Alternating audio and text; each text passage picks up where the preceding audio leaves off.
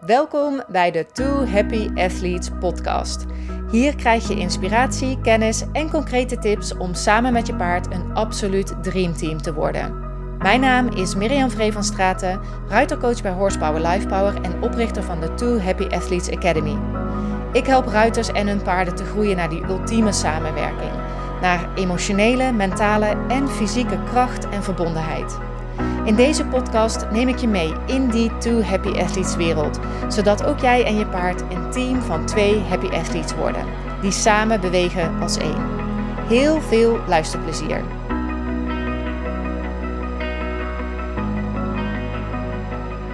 In deze aflevering hoor je een interview met een van de deelnemers aan de Two Happy Athletes Academy van het eerste uur, Zora Butcher. Ze begon dit avontuur met haar pony Alex, niet lang nadat ze haar vorige pony had moeten laten inslapen. En haar tijd in de Academy was een enorm leerzame, niet alleen op het gebied van haar samenwerking met Alex, maar ook vooral voor haarzelf. Want Alex was een pony die aanvankelijk op al haar vragen in eerste instantie nee zei, wat heel veel spanning en frustratie opleverde. En ze vertelt in dit interview hoe ze dat ervaren heeft en hoe ze tot een oplossing is gekomen en hoe Alex en zij zich samen als team ontwikkeld hebben. En ik zeg was omdat helaas ook Alex niet meer leeft. Nu is inmiddels Nikita in haar leven gekomen. Een hele leuke merrie waar ze ook weer um, een team van twee happy athletes mee vormt nu. En uh, wat ook heel leuk was, is dat Nikita er ook bij was in dit interview, omdat we het bij haar op stal uh, hebben opgenomen. Hoe dat allemaal gelopen en gegaan is, daar hoor je in dit interview natuurlijk veel meer over. Een heel bijzonder gesprek waarin naast de zoektocht naar ontspanning thema's als verlies, rouw en verdriet worden besproken en hoe die uiteindelijk toch kunnen leiden tot groei, dankbaarheid en zelfvertrouwen. Ik ga er niet meer over verklappen. Ik wens je vooral heel veel luisterplezier met het interview met Zora Butcher. Ja, welkom. Hallo. In de Two Happy Athletes podcast. Yay, de eerste podcast. Ja, ik zou zeggen, jij bent zeg maar deelnemer aan de Two Happy Athletes Academy. En uh, wat we denk ik als eerste van je willen weten is, wie ben je en wie is je paard? En ja, kun je jezelf kort voorstellen? Um, ja, mijn naam is Sora en ik ben 39 jaar oud. En mijn pony heet Nikita. Dat is een Forest Mary van uh, inmiddels 10 jaar oud. En um, ik ben bij de Too Happy Athletes Academy terechtgekomen vanwege mijn vorige pony, Alex. Mm -hmm. En de, um, de communicatie verliep redelijk goed. Alleen op de een of andere manier ging eigenlijk altijd alles mis. En um, zelfs op, tot het punt dat je dan gaat afvragen van... wil ik dit nog wel zo? Ja, ja. En um, ja, via, via, via terechtgekomen bij de Relax and Ride via Facebook. En toen is het balletje gaan rollen en uiteindelijk heb ik me aangemeld. En um, ja, zo ben ik uh, bij Mirjam terechtgekomen. ja, want we gaan zo nog veel meer vragen ga ik je over hoe dat allemaal is gegaan. Maar mijn eerste vraag is eigenlijk van, ja, deze podcast heet natuurlijk de Two Happy Athletes podcast. Ja. En um, het is dus natuurlijk ook voor ruiters die samen met hun paard een team van twee happy athletes willen worden. Maar ja, in hoeverre vind jij jezelf uh, een team van twee happy athletes met Nikita? Um, ja, aan de ene kant uh, vind ik dat ze het hartstikke leuk doen samen. En aan de andere kant denk ik van, ik mis op dit moment nog heel veel. Hmm. Er zijn zeker wel momenten dat, dat ik uh, denk van, ja, op dit moment zijn we echt geen team samen. En dan is er echt frustratie van beide kanten. Mm -hmm. Uh, maar er zijn ook weer zaken waarvan ik eigenlijk van tevoren bedenk van oh, dat gaat helemaal niks worden. En dat gaat dan eigenlijk vanzelf, zonder uh, gedoe. En dat is dan heel fijn. Ja, ja. Dus het, het, het, wisselt. En het, het grappige is, het wisselt ook gewoon echt per dag. Dus hoe zit, als, ja, hoe zit ik in mijn vel?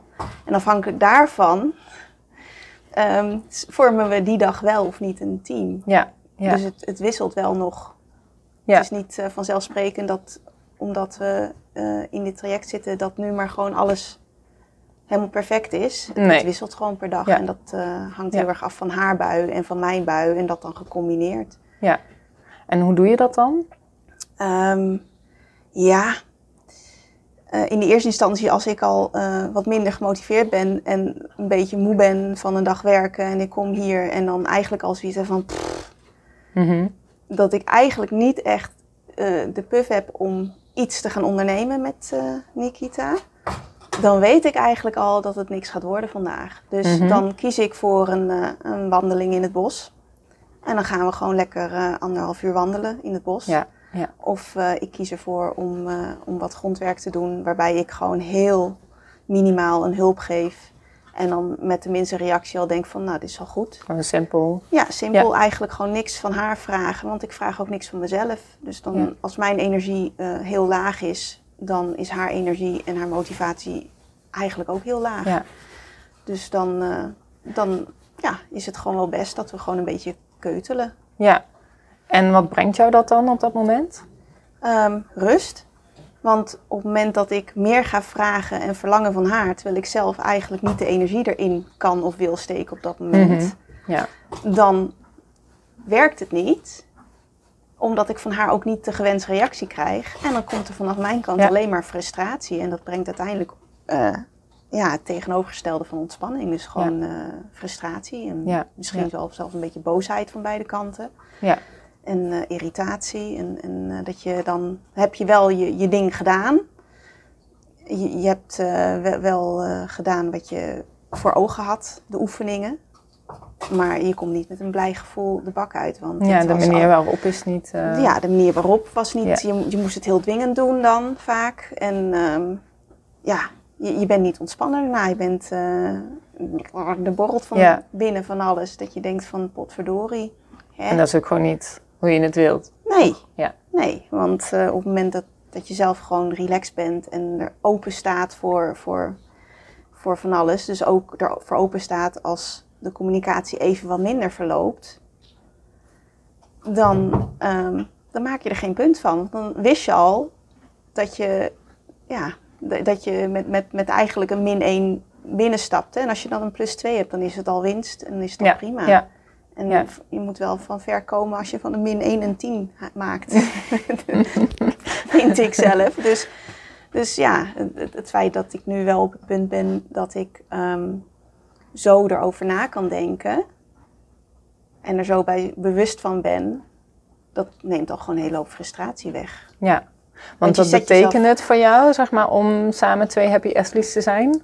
Um, het geeft een fijn gevoel dat je samen kan werken met je, met je pony, uh, wetende dat er geen vervelende of nare dwang achter zat. Mm -hmm. En uh, dat je eigenlijk met vriendelijke en lichte hulpen een heel fijn resultaat, een reactie krijgt. Mm -hmm. En um, ja, dat, uh, en dat je op die manier eigenlijk kan groeien ook. En dat je elkaar Um, juist omdat alles zo fijn en subtiel is. En dat je ook uh, ja, dat je dat ook weer kan opvangen. Dus op het moment dat zij een hele subtiele vraag stelt of reactie geeft of iets, dat geeft mij ook weer informatie. Ja, is dat voor jou, um, hoe zeg ik dat, um, waar het om draait, zeg maar dat subtiele of dat fijne? Of zijn er misschien nog meer dingen?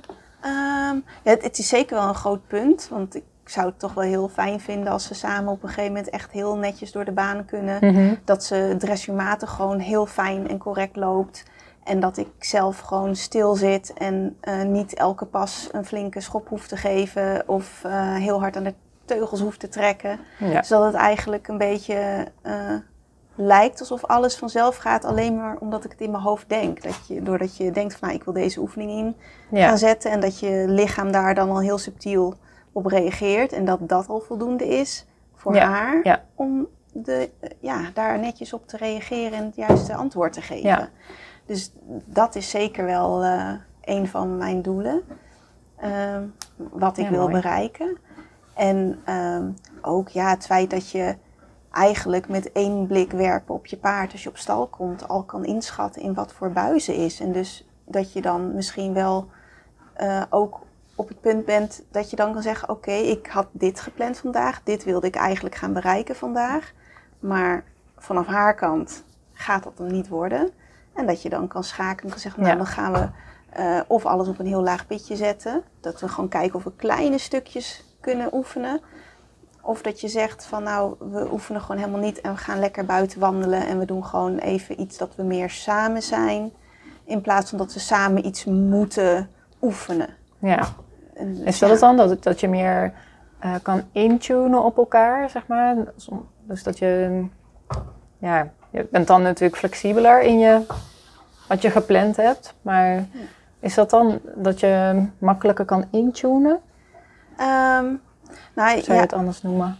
Hoe ik het zelf heb ervaren is dat door, door de, de, de academy en door de opdrachten en de oefeningen um, ben ik gewoon zelf een stuk relaxter. Waardoor ik minder um, me vastbijt in wat ik in mijn hoofd heb bedacht dat ik wil. Maar, en dat ik dus nu ook mijn gevoel er een beetje. Want, want ik heb zelf heel erg de neiging om te bedenken: dit is wat ik wil. En daar ga ik voor. Ja. En ondanks dat er misschien van binnen een gevoel zit, dat zit te knagen van het klopt vandaag niet. Dat douw ik dan mooi zo in een hoekje of onder water, zo'n bal die onder water duwt. En dan ga ik toch achter mijn doel aan wat ik uh, had bedacht in mijn hoofd. En uiteindelijk weet ik dus, dat gaat gewoon niet werken. Als mijn gevoel niet in balans is met uh, ja, wat ik heb bedacht tussen mijn oren, ja. dan krijg ik gewoon nooit de reactie die ik wil bij Nikita. Uiteindelijk wel, maar dan zul je dat dus uiteindelijk bereiken door inderdaad groffer te worden in je hulpen. Um, een resultaat krijgen, maar er niet blij mee zijn, want het voelt nog steeds niet goed. Uh, want je hebt het resultaat wel verkregen, maar niet op een manier die je graag zou willen. En soms mhm. gewoon op een hele lullige manier naar haar toe. Terwijl zij niks, eigenlijk niks verkeerd doet. Maar ik ben gewoon geïrriteerd en gefrustreerd, want het ging niet zoals ik het had gepland. Mm dus ja, eigenlijk een beetje een combinatie van, van al die dingen. Ja. Dat je, dat, je, uh, ja, dat je bij je gevoel bent en daarop kan inschatten en ook open staat voor haar reactie. Als jij zegt, ik wil graag dit doen en zij geeft heel duidelijk aan van, liever niet. niet. Um, dat je dan ook de rust hebt en de balans hebt bij jezelf om te zeggen van, oké, hoe kan ik het anders aanpakken en het ombuigen dat het toch een beetje mijn richting op gaan, een compromis sluiten. Of dat je ook zelf zegt, nou, oké, ik luister vandaag naar jou. Misschien uh, denk ik dat ik in balans ben, maar ben ik het helemaal niet. En is dit de reden waarom je nee zegt? Ja. En dan pakken we gewoon iets wat, wat um, eigenlijk heel laagdrempelig is, dat we toch samen zijn. En waarbij we eigenlijk niks fout kunnen doen. Dus eigenlijk jezelf opzetten voor succes. Ja, en dan neem je volgens mij ook zeg maar haar reactie als ze van oké, wat gebeurt hier nu bij mij? Ja, dat je, dat, ja. het gaat nu al wat, wat uh, meer vanzelf. In het begin moest ik echt heel erg alles analyseren en over nadenken van oké, dit doet ze nu, maar waarom is dat? En dan, nu gaat het eigenlijk vanzelf dat als ik al zie dat zij moeilijk doet eigenlijk, om, om het zo lullig maar te beschrijven, want het enige wat ze doet is natuurlijk reageren op, op haar omgeving en ook op mij. Mhm. Maar als, als ik in mijn ogen haar moeilijk gedrag zie vertonen, ehm, dan is het toch wel even dat ik denk van oké, eh, waarom is dat eigenlijk? En, en, vrijwel altijd is dat omdat ik niet um, mijn focus er niet bij heb zelf. Dus uh, wel van alles doen, maar mijn gedachten met ergens heel anders mm zit. Of dat ik zelf eigenlijk heel erg moe ben, maar dat niet wil erkennen, omdat er toch ook gewoon soms dingen gedaan moeten worden. En ik wil ook verder groeien. Dus als je altijd maar toegeeft, dan ja, je moet soms toch ook een beetje doordouwen, denk ik dan. Ja, uh, ja.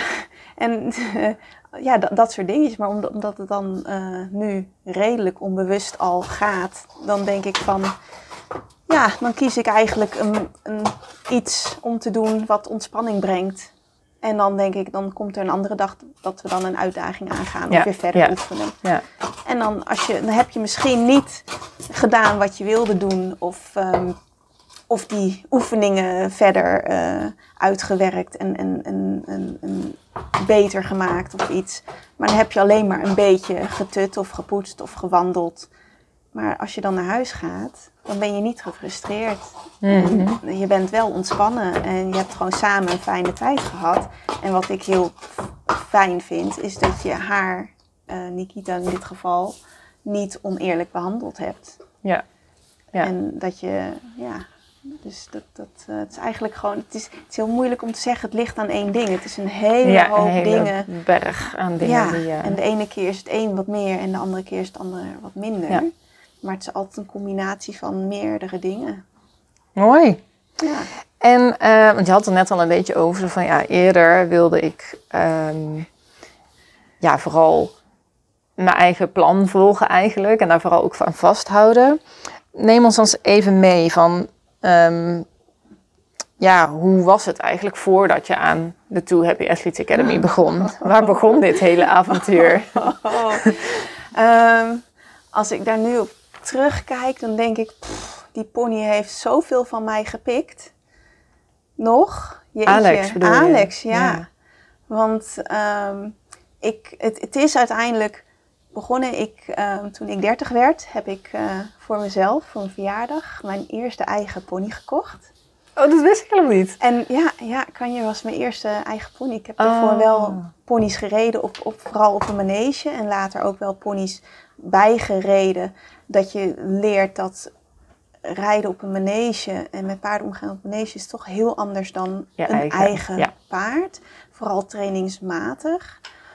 En ehm, op een gegeven moment, toen ik klaar was met mijn studie en ik had een baan, toen heb ik mijn eerste eigen paard gekocht. Wat een goed cadeau. Ja, voor mijn dertigste verjaardag. En dat was voor mij best wel echt een ding. Eh, ik kom uit Amsterdam, daar ben ik geboren. En eh, mijn ouders hebben altijd nee gezegd. eh, tegen mijn miljoenen vragen of ik een pony mocht hebben. En dan zeiden ze altijd van, nou, als je er eentje wil, dan ga je maar heel hard werken en dan koop je er zelf een. En uiteindelijk, toen ik dertig werd, werd het eindelijk een, ja, een, ja, een droom die uitkwam. En ehm, drie maanden nadat Kanje bij mij op stal was gekomen, het was ook midden in de winter, de bak was heel slecht, dus ik heb vooral heel veel grondwerk met hem gedaan. En het was een pony waar veel pit in zat. Hij, was, eh, hij zat 25% Arabisch bloed eh, in zijn NRPS eh, oh ja. gemengd. Hij schrok vaak, maar hij was ook wel heel snel dat als je dan zei ho, dan stond hij ook wel meteen stil. Maar ik merkte in die drie maanden longeren, merkte ik al dat, ja, dat hij al veel subtieler op mij ging reageren. Dat ik maar heel fijn iets hoefde te vragen en dat hij dan al in een volle glop wegspoot. Mhm. Dus ik merkte wel dat mijn, mijn manege eh, aanwijzingen, die, daar moest ik toch wel iets mee doen. En ehm, dus dat was toen al heel fijn om te merken dat hij zo, dat, dat ik zelf heel subtiel moest doen. En toen eh, hebben we een keer in de bak gereden. Dat ging eigenlijk heel fijn. En toen ben ik buiten gaan uitstappen. En ehm, toen kwam er een auto aan. Hmm. En hij schrok ergens van. En hij wilde omdraaien. En ik zette hem meteen stil. En de auto reed vol tegen ons aan. En toen was het einde verhaal wat betreft Kanjer. Want hij heeft dat uiteindelijk niet overleefd. Ongelooflijk hè? Ja. En ehm, toen zijn de problemen begonnen. Laat ik het zo zeggen. Ik, ik heb nog een tijdje... eh, heeft geduurd voordat ik voor mezelf dacht van... Oké, ik, ik koop een nieuwe pony. Mhm. Eh, Ik heb, nog, ik heb toen nog heel veel schuldgevoel gehad. Het voelde echt alsof aan, of Kanjer maar gewoon een beetje werd weggegooid. Nou, dan komt er hop een nieuwe. Mhm. Ehm, en toen kwam Alex. Hele brave, lieve pony, 3,5, jong. En hij heeft bij mij eerst een half jaar nog in de wei eh, rondgelopen. En toen ik hem eh, wat meer met hem wilde gaan doen, toen kwam zijn karakter eh, naar boven. En hij begon ook behoorlijk te puberen. En eh, toen merkte ik al vrij snel dat ik eigenlijk aan alle kanten alles misging. Want alle aanwijzingen die ik aan Alex gaf, wat met alle andere ponies in het verleden nooit een probleem was eigenlijk, Mhm. dat schoot bij hem overal in het verkeerde keelgat. Ja. En alles werd een gevecht, want hij ging overal tegenin. En als ik niet re- reageerde op zijn reactie, hoe hij dat wilde, dan eh, werd er gebeten of getrapt. ja. En dan ging hij gewoon echt in, in de aanval. Hij was eh, geen vluchter. Hij was was, echt even een een andere vechter. koek. Ja. Ja. Ja, dus eh, alles wat hem niet beviel, dat liet hij me heel hard weten. En ja. Ja. dan ga je achter je oren krabben. Wat Wa- nu? Wat, gaat hier mis? Ja. Ja.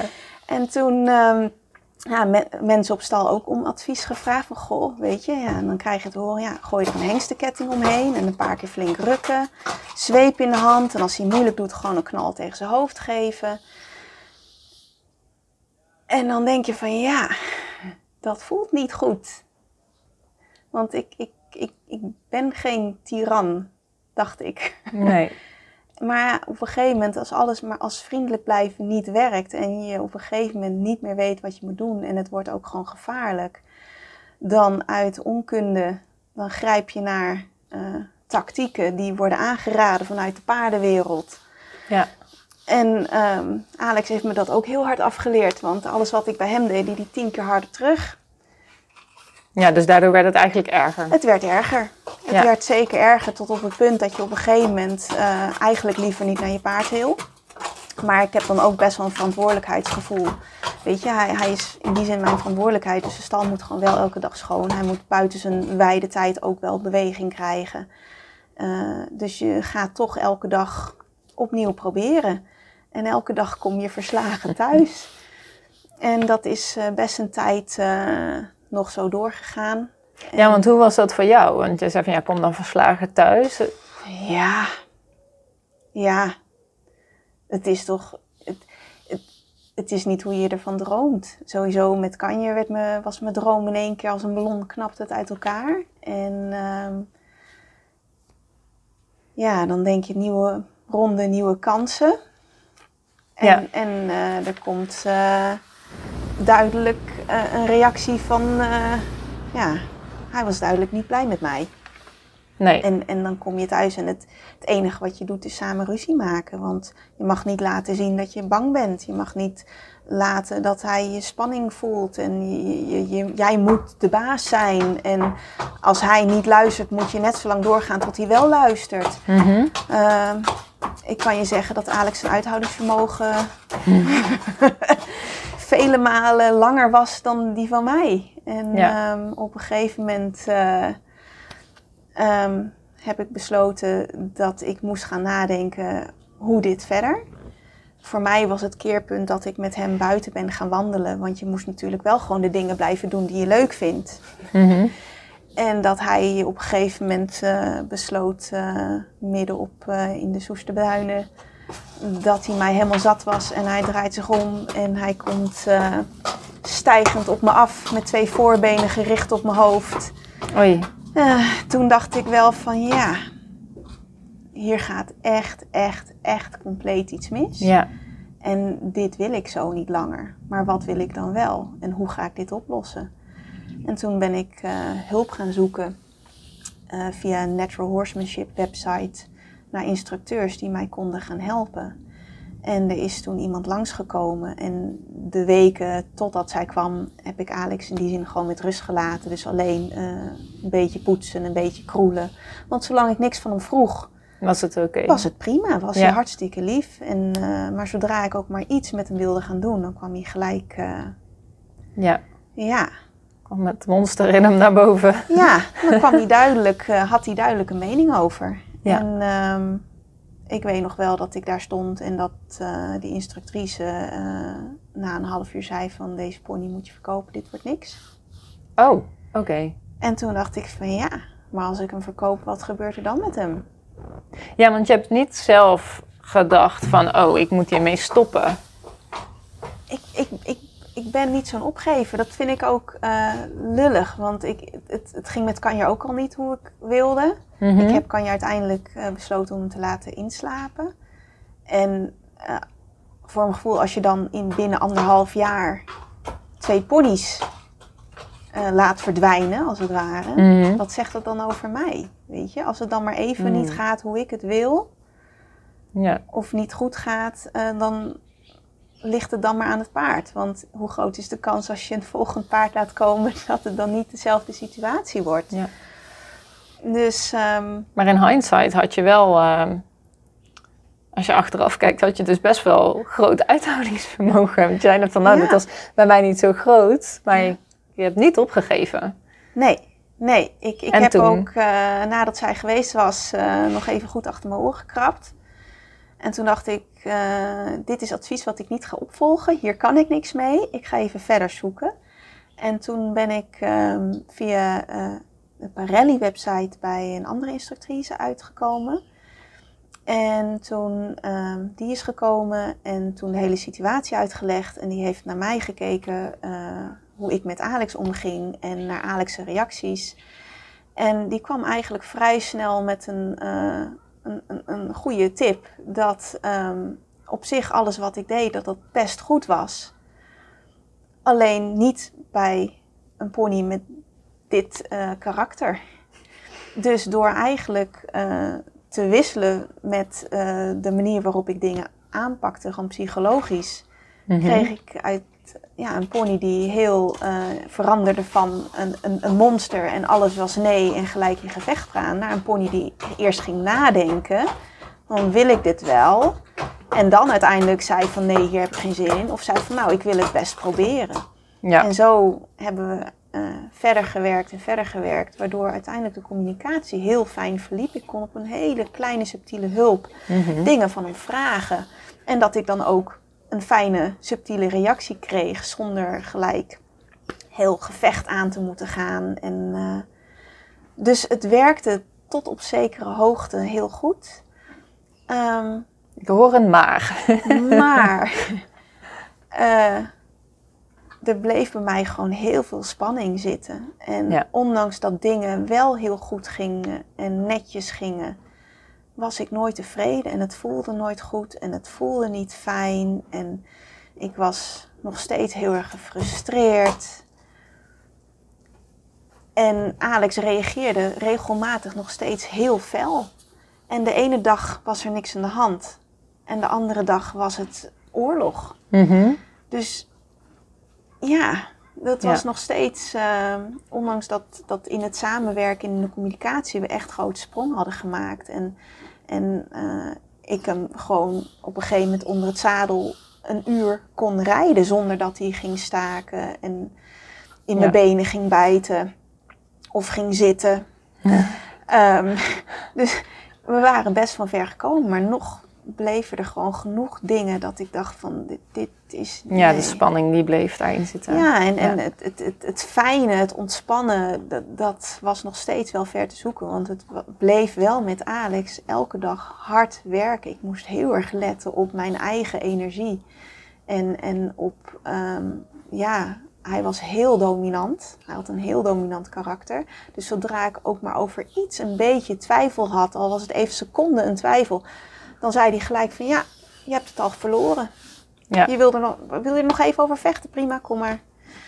En ja. dus het, het, het, werd voor mij ook steeds vaker dat ik zei van nou vandaag doen we even niks. Want ik weet dat ik het niet ga winnen vandaag. Waardoor je uiteindelijk misschien één keer in de vijf weken op zijn rug zat. en vooral heel veel op de grond, heel consequent grondwerk, grondwerk, grondwerk. Ja. En uh, ja, toen wist ik eigenlijk ook niet meer zo goed van ja, wat moet ik daar dan aan doen? Want de communicatie ging verder prima. Als ik een aanwijzing gaf, dan werd dat in principe opgevolgd. En ja. de ene keer zonder en de andere keer met uh, gevecht. Ja. Maar uiteindelijk kreeg ik gedaan wat ik voor ogen had. Ja. Dus um, ja, toen, toen uh, bij toeval kwam via de Parelli-instructrice via Facebook, had zij iets geliked. En dat was uh, de Relax and Ride challenge. Ja. Er was een, uh, een, challenge van vijf dagen met elke dag één opdracht. En toen dacht ik, relax and ride. Ik denk, ja, dat klinkt wel een beetje naar hoe ik het zou willen. Dat niet alles maar een heel hard werken en een gevecht is. En ja. uh, toen heb ik het opgegeven.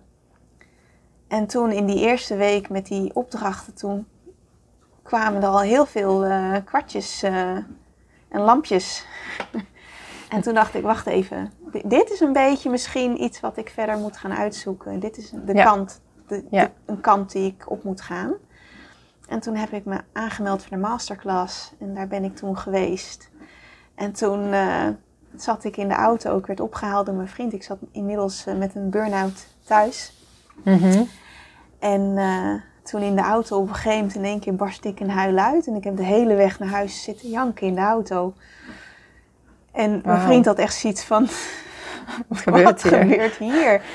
En toen had ik echt, nou ja, ik wil niet zeggen een openbaring, maar toen op een gegeven moment, toen, toen dacht ik van, ik, ik kan gewoon niet meer liegen tegen mezelf. Er is echt, echt iets mis met mij.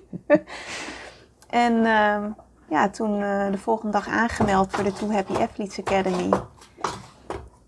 En toen, ehm, vanaf dat moment, elke opdracht die ik voor me kiezen kreeg, had ik een soort van opnieuw zo'n breakdown moment. Dat ik dacht van, poeh.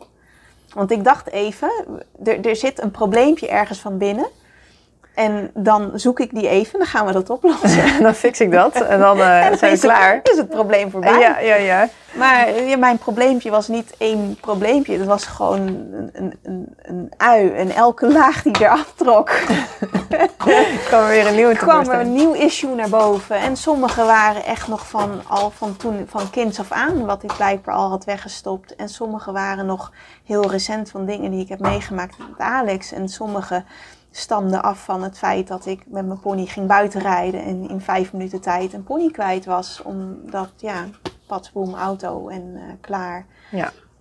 En uh, ja, en uiteindelijk, omdat als je een opdracht doet, je, doet, je focus je dan op een ding en dan komen er dingen erboven. Maar de keer dat je daarna weer focust op iets anders, komen er weer of soms dezelfde dingen naar boven ook.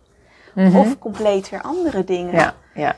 En elk dingetje wat naar boven komt, dat kan je niet meer terugstoppen in, in de doos. je kan het niet meer niet weten. Dat Ja. is het, hè? Je, je, dan komt het in je bewustzijn en dan kun je het niet meer in je onderbewustzijn stoppen. Ja, Dat gaat niet. Maar ook, nee. het, het is eruit. En die gevoelens die erbij zitten, die, die, die hangen om je heen. En die kun je niet zomaar even in, in een kast stoppen Ja, en ja, op slot doen. Want Ja. ze zitten er.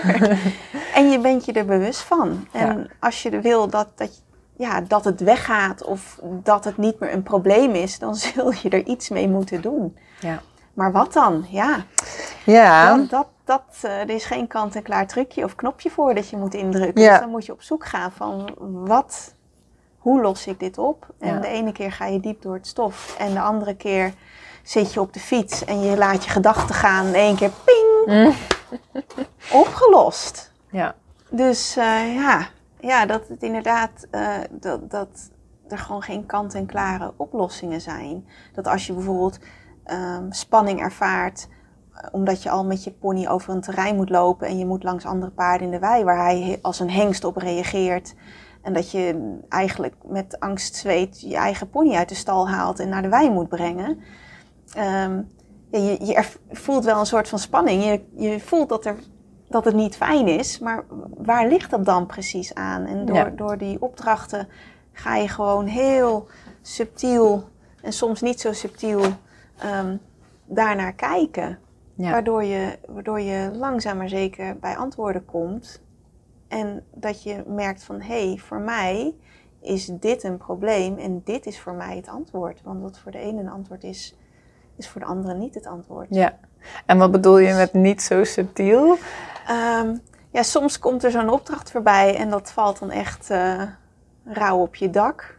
Omdat je Ja, dan- dus voor jezelf voor niet je- zo subtiel. ja, dat je dan- ja. eh, je hebt het dan toch bewust, onbewust, stiekem weet je het wel, maar je weet dat het, je wil die beerput nog niet opentrekken. Ja. En dan ga je die opdracht doen en dan denk je, potverdorie, Mm. Nu, Ja. nu is het eruit en nu moet ik er iets mee. En dan moet je, ehm, ja, moeten, moeten, ehm, als je wil dat het, dat het opgelost wordt of dat je van die ver- vervelende gevoelens en gedachten af bent en dat het weer iets fijns wordt, dan zul je daar moeten werken. Ja. En dat is soms heel confronterend. Ja.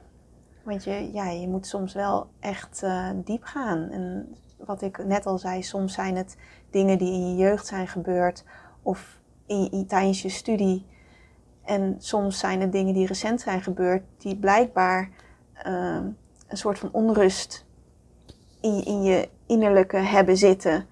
En dat moet je eerst, eerst weer goed krijgen om, om het. ehm, Ja. Want Ja. hoe verhield zich dat tot de verhouding met... ehm, oh nee, dat zeg ik niet goed, maar hoe ehm, stond dat in verhouding met de relatie met Alex? Ehm, Ja, het was wel. Uh... Want je zou zeggen van ja, je jeugd, wat heeft dat nou te maken met uh, hoe je met je paard omgaat, zeg maar? Of uh, wat je in je studie hebt meegemaakt? Nou ja, ik, ik heb gemerkt en, en geleerd van mezelf dat er dingen zijn ge geweest in mijn jeugd. Um, heel, ja, dingen, opmerkingen. Ik werd vroeger veel gepest. Mm -hmm. En dan zijn er dingen tegen je gezegd. En als je het me vaak genoeg hoort, dan geloof je dat. Ja. En je gelooft dat en dat maakt je onzeker. En als jij dan denkt van ik wil dit doen en je hebt iets onzekers in je, dan sta je er niet 100% achter als je dat wil gaan uitvoeren. Ja, dus je merkte dat in de samenwerking met Alex dat je dan dus diezelfde onzekerheid had eigenlijk. Ja. ja, dat er gewoon dingen zijn. Onrust, onzekerheid, frustratie. Hij pikte dat allemaal op. En er waren genoeg dingen ook omdat ik midden in mijn burn-out zat, gewoon genoeg dingen uh, waar ik onzeker over was of gefrustreerd over was. En vooral de mhm. vermoeidheid. Ik was gewoon continu zo vermoeid. Ja, ja. ja zet jezelf dan maar uh, neer met een paard wat je precies door he heeft um, hoe jij je voelt. En ga dan maar doen alsof je heel zelfverzekerd bent. Mm -hmm. En alle energie van de wereld hebt. En nergens bang voor bent en precies weet waar je het over hebt en totaal geen twijfels hebt, nou, je valt gewoon keihard door de mand. Ja. Bij Alex viel ik keihard door de mand en hij was super confronterend. Want alles wat ik deed waar ik niet in balans was en niet enigszins um, ja, vol zelfvertrouwen overkwam, of dan ja. kapte die dat af. En dat is uiteindelijk waar ik achter kwam dat sommige dagen dat hij best goed was in reageren op mij zonder gevecht achteraf gezien waren dat ook de dagen waarop ik niet zo in de knoop zat met mezelf. Ja, waarop jij je gewoon beter voelde. Ja, ja. dat ik ook dacht van ik voel me vandaag prima, weet je. Als ik iets vraag en hij doet het niet helemaal perfect precies zoals ik wil, dan is dat ook niet erg. Dus je bent vergevingsgezind. En um, heel vaak was ik dat niet, want ik was super streng voor mezelf. En dus ook super streng voor Alex. Ja. En, en je zegt ook van, nou ja, het was soms echt super confronterend. Ja. Hoe ben je daar doorheen gekomen? Of wat, wat, heeft je in de academy geholpen met die confrontatie? Um, Waren nou, er dingen die je daarbij hielp? Misschien helemaal niet. ik, ja, um, ten eerste, je, je komt in een, in een, in een groep, een kudde mensen, um, die allemaal een beetje hetzelfde gevoel hebben van er klopt iets niet. Ja, voor de luisteraar, de kudde, zo noemen we inderdaad onze deelnemers. ja, en, en uh, ja, er, klopt iets niet en ze zijn allemaal op zoek naar iets. Maar ze weten misschien nog niet waar ze naar op zoek zijn of waar ze het antwoord moeten vinden. Um, dus als er iets is waar je over twijfelt of waar je je rot over voelt, uh, je gooit het in de Facebookgroep en um, je krijgt daar reacties op en je voelt je toch een soort van gesteund. Ook al weet je dat je niet de enige bent. um, het is toch fijn als dat af en toe wordt, uh, um, ja, dat je dat uh, terug te zien krijgt. Dat je inderdaad, dat er ook andere mensen zijn die zeggen, nou, dat voel ik precies zo. En ik zit ook altijd met zo'n, zo daar loop ik ook altijd tegenaan. Ja. Dus dat is wel heel fijn dat als het gewoon minder gaat en je het niet meer ziet zitten, dat, dat er altijd wel een groep mensen zijn die, die, um, waar je bij terecht kunt.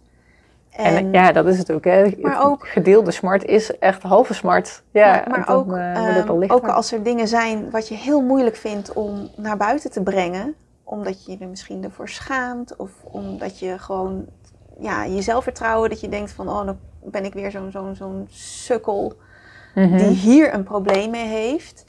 Um, er is eigenlijk geen oordeel in de groep. Als, als mensen iets, iets melden, dan wordt er gesteund en er wordt niet met een vingertje geweest van ja, maar dat komt omdat jij een pannenkoek bent of zo. dat, dat, dat is er niet. En dat is gewoon heel fijn. Het is een hele vertrouwde omgeving waar je eigenlijk alles kwijt kan, hoe klein of groot ook. En als het voor een ander niet een probleem is, dan zal er niet gezegd worden van nou, ik heb daar geen probleem mee, dus uh, het ligt aan jou of zo. Dat, ja. dat, nee. Ja. Dus dat is heel prettig. Zeker op momenten dat je je heel kwetsbaar voelt. Ja. Want die opdrachten, um, soms ja, het verschilt per persoon, maar sommige voor mij, dan moest ik echt heel diep gaan en die waren super confronterend. En dan ga je ineens oud zeer, wat al 20, soms al 30 jaar oud is, daar ga je ineens mee aan de slag. En al dat gevoel, waarvan je niet eens meer wist dat het er zat, dat komt naar boven. En daar moet je iets mee gaan doen. Mhm. En dan is het heel fijn als je echt op een gegeven moment denkt van nou, dit wil ik even delen. Dat je dat kan doen. En dat je het vertrouwen hebt en het veilige gevoel hebt dat, dat niet mensen over je heen gaan lopen Ja, trollen. Ja, ja, precies. Ja. En ehm, wat is jouw grootste inzicht geweest uit de. Academy? Mijn grootste inzicht. Ehm, daar moet ik even over nadenken. En Ik, ik heb zoveel aha-momenten gehad en inzichten. En ik ben nog steeds heel erg ermee bezig. Ehm, ik, ik denk voor mij. mijn g- ja, ik denk. Ik, ik was met Alex eh, was ik op een live dag. En Alex is een hele, was een hele vriendelijke, vrolijke pony. Mhm. En eh, we hebben Alex toen gebruikt voor een, een groepsoefening. En hij was los in de bak terwijl wij de oefeningen deden. En hij liep overal echt zo vlieren fluitend, oortjes naar voren. eh, Mhm. ondeugende blikken in zijn ogen. Overal lekker een beetje tussendoor, zijn eigen gang. En toen ehm, super relaxed. En toen was het mijn beurt om met Alex een, een, een sessie één op één te doen. Terwijl iedereen mocht toekijken. En op het moment eh, dat ik hem aan de lijn had en eh, ik gaf hem één aanwijzing. Toen ging hij als een rodeopaard door de bak heen. En daar sta je dan, want dan denk je, ja, waarom doet hij dit? Ja. De- hij is de hele ochtend zo relaxed geweest en hij heeft naast me gestaan. Ik heb hem geaaid, niks aan de hand. En nu sta ik hier. Ja. En voor het toeziend oog van alle andere deelnemers doet Ja. hij dit. En dan, Maar ik weet ook nog dat we er bijna blij om waren. ja, nou ja, Ja. Ik, ik heb eerst nog een heel potje staan janken, weet ik nog. En ehm, dat was voor mij toch wel het moment dat ik doorhad van alle moeilijke, al het moeilijke gedrag wat Alex heeft laten zien. Dat ligt voor 99% echt, echt, echt Mm. aan mij. Want je weet wel, het ligt aan jou, nooit aan je paard. Maar stiekem schuif je een schuld ook wel af op je paard. Dat heb ik wel gedaan met Alex. Ja. Want ja, Alex was zelf ook gewoon heel dominant en heel moeilijk. En dat speelde zeker ook wel mee. Maar het was super eh, voor mij echt een inzicht dat 99% van zijn moeilijke gedrag voortkwam omdat ik van binnen nog zoveel onverwerkte en emoties had en gevoelens had en, en vooral veel twijfel en onzekerheid en niet lekker in mijn vel zat. En dat hij daar gewoon super, super subtiel, of nou eigenlijk niet zo subtiel, op reageerde. Hij was daar heel gevoelig voor. Ja, en ehm, hoe heb je dat... Ja, hoe is dat veranderd? Ja, je wordt eigenlijk op dat moment eh, je ogen worden geopend, want je kan gewoon niet langer tegen jezelf liegen Mhm. dat alles goed gaat en dat je sterk bent en dat je niet onzeker bent. Want als dat zo zou zijn, dan zou het paard wat naast je staat nooit zo, zich zo gedragen. Ja. Dus ehm, je moet er echt wat mee gaan doen.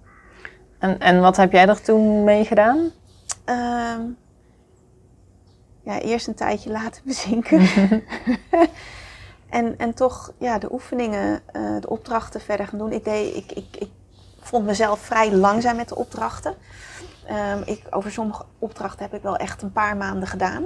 Omdat ik eh, er niet aan wilde beginnen. En als ik er eenmaal aan begonnen was, dan had ik de opdracht gedaan. En dan duurde het gewoon nog soms een paar maanden voordat ik eh, het helemaal door mijn hoofd had verwerkt. En dat ik er eigenlijk niet meer zo bij stilstond. En dat het soort van, ja, het oké was. Ja, ja. En dan ging ik door naar de volgende opdracht. Ehm, dus vooral ja, de opdrachten doen en ervoor openstaan dat, dat, eh, dat er gewoon dingen zijn die je moet verwerken. Ja. En dat wegstoppen en doen alsof je nergens last van hebt, dat dat gewoon toch echt niet meer werkt. Dat heeft Ja. heel lang, is dat mijn copingmechanisme geweest. Wist ik niet, daar ben ik via de opdracht achter gekomen. Ja, door het Eh, eigenlijk te doen alsof het niet bestaat, weg te stoppen. Wegstoppen en er niet meer aan denken en gewoon je gevoel uitschakelen eigenlijk en Mhm. alles op verstand doen. Ja. Eh, en met Alex werkte dat dus helemaal niet. En, en eh, de druppel voor mij waarom het al die tijd goed is gegaan, was omdat ik nog enigszins eh, zelfverzekerd was als ik met paarden bezig was. Want als ik met paarden bezig was, had ik nergens last van. Tot de aanrijding met kanjer. En ja, ik eh, ook daarin mijn, ja, eigenlijk mijn, mijn zelfverzekerdheid kwijtraakte. En Ja. over alles wat ik deed met een paard ging twijfelen. Want als ik dit niet goed doe, dan gaat hij misschien wel dood. Ja. Ja, En dat is natuurlijk best wel een heftige gedachte ja, of overtuiging die je dan Ja. hebt. ja. Ja. Dat Ja. je gewoon eigenlijk, eh, want je, je bent als, als leider van een paard, ben jij verantwoordelijk voor de veiligheid van iedereen. En ik heb daarin gefaald, want mijn pony is overleden. Ja. Omdat we werden aangereden door een auto. Ik heb iets niet goed gedaan. Ik, eh, ja, ik heb hem niet kunnen beschermen tegen, tegen de auto. En, eh, Ja, en dat is natuurlijk heel pijnlijk. Ook. Ja, ja. Ja. Dus dat, dat, eh, ja, dat, he- dat heeft gemaakt dat ik eigenlijk mijn zelfvertrouwen kwijt was. Zowel als mijn samenwerking met paarden, als in andere weggebruikers. Mhm. En dat was denk ik voor mij de druppel, waardoor alle andere dingen het kaarthuis instortten eigenlijk. ja, ja. Ja. Is dat ook waar het voor jou eigenlijk die begin van de verandering was? Dat je eigenlijk dat ehm, ja, vocht van schijnzekerheid, zeg maar, Ja, maar hebt laten gaan? ehm, Dat, dat, dat, eh, dat je dat los hebt gelaten? Of?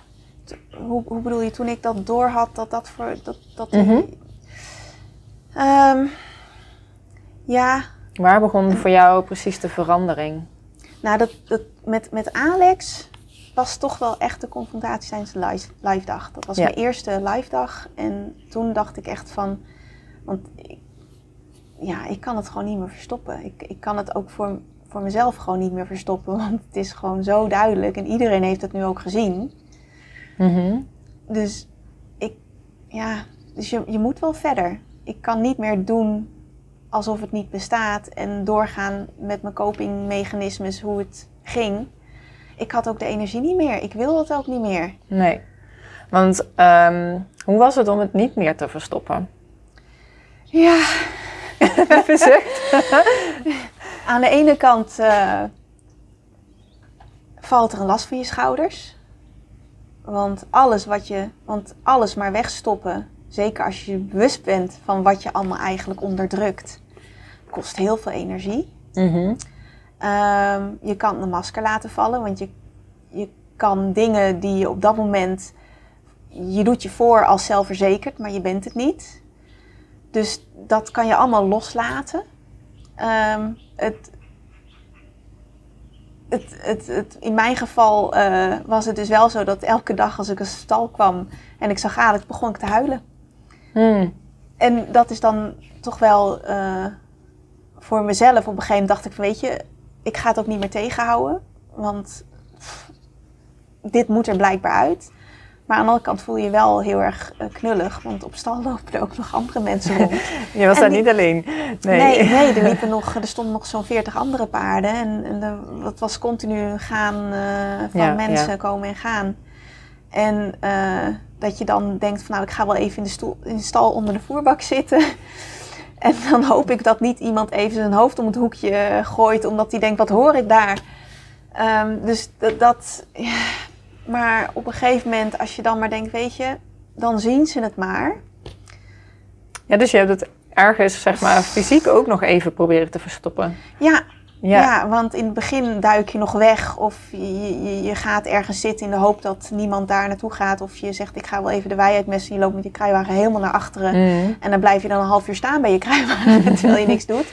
Ehm, dus ja, en op een gegeven moment hoe, ja, denk je ook van laat maar. Je, je, je laat ook een stukje los omdat je bang bent voor het oordeel van wat anderen van je vinden. Ja.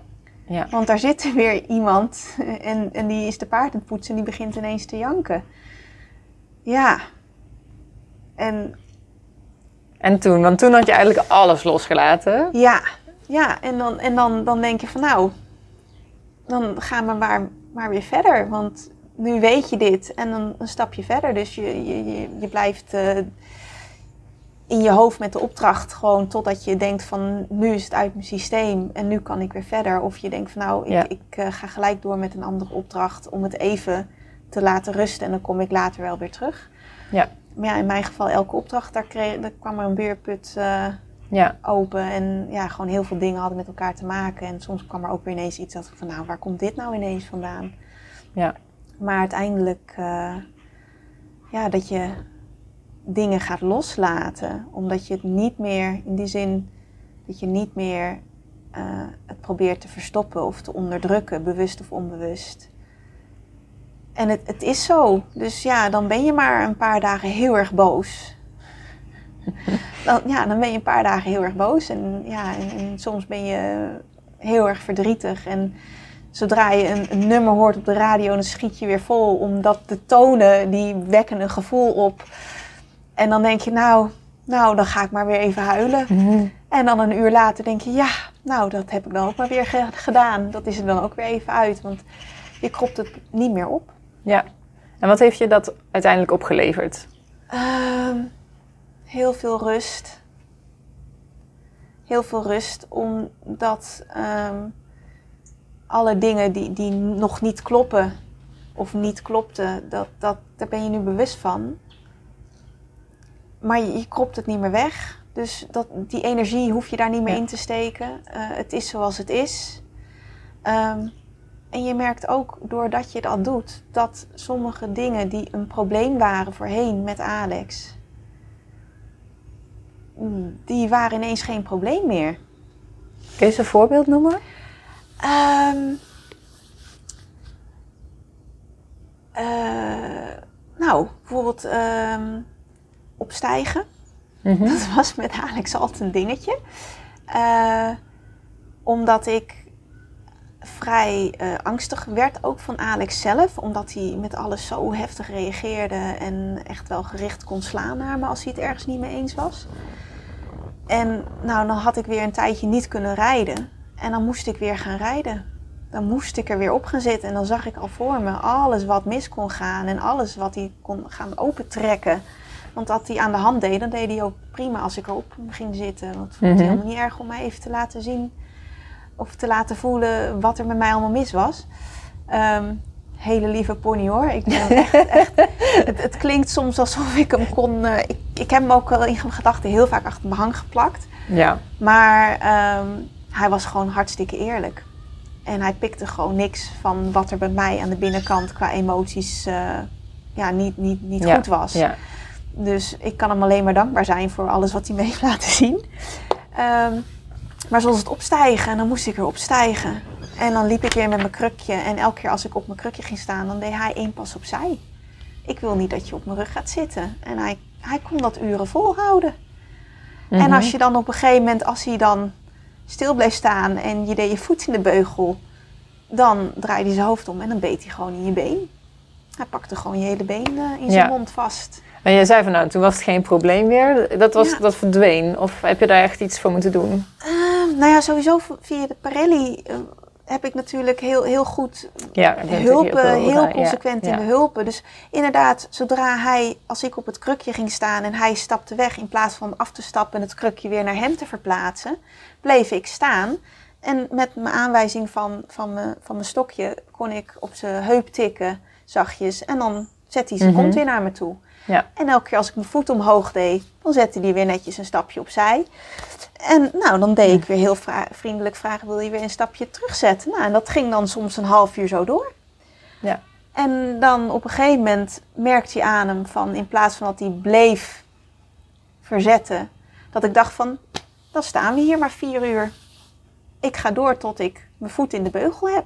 En als Ja. dat is gelukt, dan is het klaar. En dan zet ik mijn voet in de beugel. En doordat je dan die gedachte hebt, in plaats van, oh jee, ik moet opstijgen en hij laat me maar niet opstijgen, heb je de gedachte van, nou, ik blijf hier gewoon net zo lang staan tot ik mijn voet in de beugel Ja. heb. Dus die frustratie was eigenlijk weg. Ja, en dan blijkbaar komt er dan een soort van ontspanning of een kalmte over je, omdat je het allemaal wel prima vindt. En de druk is eraf van wat je moet presteren, dus erop gaan zitten. En je zet je voet in de beugel en hij blijft gewoon staan en je zwaait je benen over en je zit. En je beloont hem en hij begint te zuchten en te briezen. En je beloont hem en je stapt af en je brengt hem terug naar de wei, want het was, het was goed Ja. zo. Mooi. Ja. Ja. En, en dat, dat, aan dat soort dingen merkte je dus dat er bij mij blijkbaar dingen aan het veranderen waren. Ja. En ook dat je ehm, dingen waar wat heel veel spanning opwekte van tevoren, omdat je gaat doemdenken, omdat je van tevoren gaat bedenken, een scenario gaat bedenken wat compleet misgaat, dan blijf je met die gedachten in je hoofd zitten. Maar dat je dan denkt van weet je, in plaats van dat ik me ga bedenken wat er allemaal misgaat, kijk ik gewoon wat er misgaat. En ik ga er pas over nadenken en op reageren als er daadwerkelijk iets misgaat. En niet van tevoren al bedenken van, oh, ik zie daar dat paard achter in de wei lopen. Mm, en ik wil ja. straks opstijgen. En als dat paard ineens gaat galopperen, dan komt hij hard aangerend langs de bak. En dan gaat Alex ontploffen. En dan hang ik er half naast. En dan val ik eraf. En Ja. allemaal dat ja. soort dingen. En maar als je dan toch soort van je gedachten kan veranderen eh, van naar een doemscenario naar dat je denkt van weet je, ik probeer gewoon en ik zie wel wat er gebeurt. En als het misgaat, dan reageer ik op dat moment wel. En Ja. eh, als het niet misgaat, dan, dan is dat natuurlijk geweldig. Maar ja, dus jouw ervaring, dus wat je werkelijk aan het ervaren was, veranderde eigenlijk helemaal. Maar Ja. ondertussen veranderde dus ook de reactie van Alex Ja. daarmee. Ja. Ja, want Dat- blijkbaar op het moment dat ik bepaalde gedachten laat varen of anders er tegenaan kijk vanuit een ander perspectief. En maar vooral ook mijn gevoel. Want ik drukte nog steeds wel heel veel mijn gevoel weg. Want Mhm. ik voelde altijd wel die spanning. Maar ja, ik moest gaan rijden. Want als je nooit op je paard zit, dat, dat, ja, je moet trainen en je Mhm. moet. En dat het dan even vervelend voelt, ja, dat, dat, dat duw je wel weer weg. Ja. Maar als je dan op een gegeven moment dat die gedachten zo je bewust bent dat je die gedachten hebt en dat je ze kan ombouwen, dan heeft dat uiteindelijk ook fysiek eh, weerslag. Want doordat je anders gaat denken, gaat je lichaam ook ontspannen en je ademhaling wordt anders en de spanning ja, walmt, om het zo maar te zeggen, uit je lijf. Ja. En dat pikt, pikte Alex op. ja, super mooi. Die, Ja. die onrust en die onzekerheid en die twijfel. En Ja. dat, dat, dat, ik wil niet zeggen dat het in één dag oplost, maar het, het, het ebt een beetje weg. En Ja. de volgende dag komen ze soms weer terug, want er gebeurt er iets. Of je zit niet lekker in je vel en dan komen ze weer terug. Maar op een gegeven moment ga je dus je gevoelens voelen. ja, en het is ook een soort. Ja, ehm, eh, ja, het is, je moet het ook trainen. ja. Je moet het gewoon letterlijk oefenen. En het Ja. is ook een wisselwerking, want op het moment dat je je niet lekker voelt en je reactie van je paard is altijd verschrikkelijk, dan is dat altijd je uitkomst. En op Ja. het moment dat je Word je dan, ook een soort van bevestigd in je ja, gevoel. zie je van ja. je bent toch wel je nou een beetje Ja. slechtste baas van de wereld, want eh, Ja. je, je, je eigen pony laat je niet eens opstijgen. ja, en dan ben je inderdaad heel hard voor jezelf. Ja. Ja. En als je dan op een gegeven moment dingetjes ziet veranderen, hele kleine subtiele dingen die je oppikt, dat je de bak in gaat, dat je het krukje neerzet en je stapt zonder na te denken, stap je op en je zit erop. En je denkt, hij heeft geen één keer een, hij heeft geen één keer een pas opzij gezet. En hij heeft geen één keer in mijn benen gebeten. En dat je denkt van, stel je voor als ik nu been geef, zou die dan voorwaarts stappen? En je geeft been en hij doet drie passen naar voren. Nou, dat was helemaal feest. Ja, ja. En dan een beetje Olympisch goudmedaille gevoel. want eh, Ja. hoe vaak die pony wel niet eh, is gaan stilstaan en niet meer van zijn plek af is gekomen. Ja. Gewoon dienst weigeren van ik loop niet, klaar. Ja, Doe er maar wat aan. En als je er wat aan doet, ga ik vechten. Ja. Dus eh, dat soort dingetjes. Mooi hoor, Ja. ja.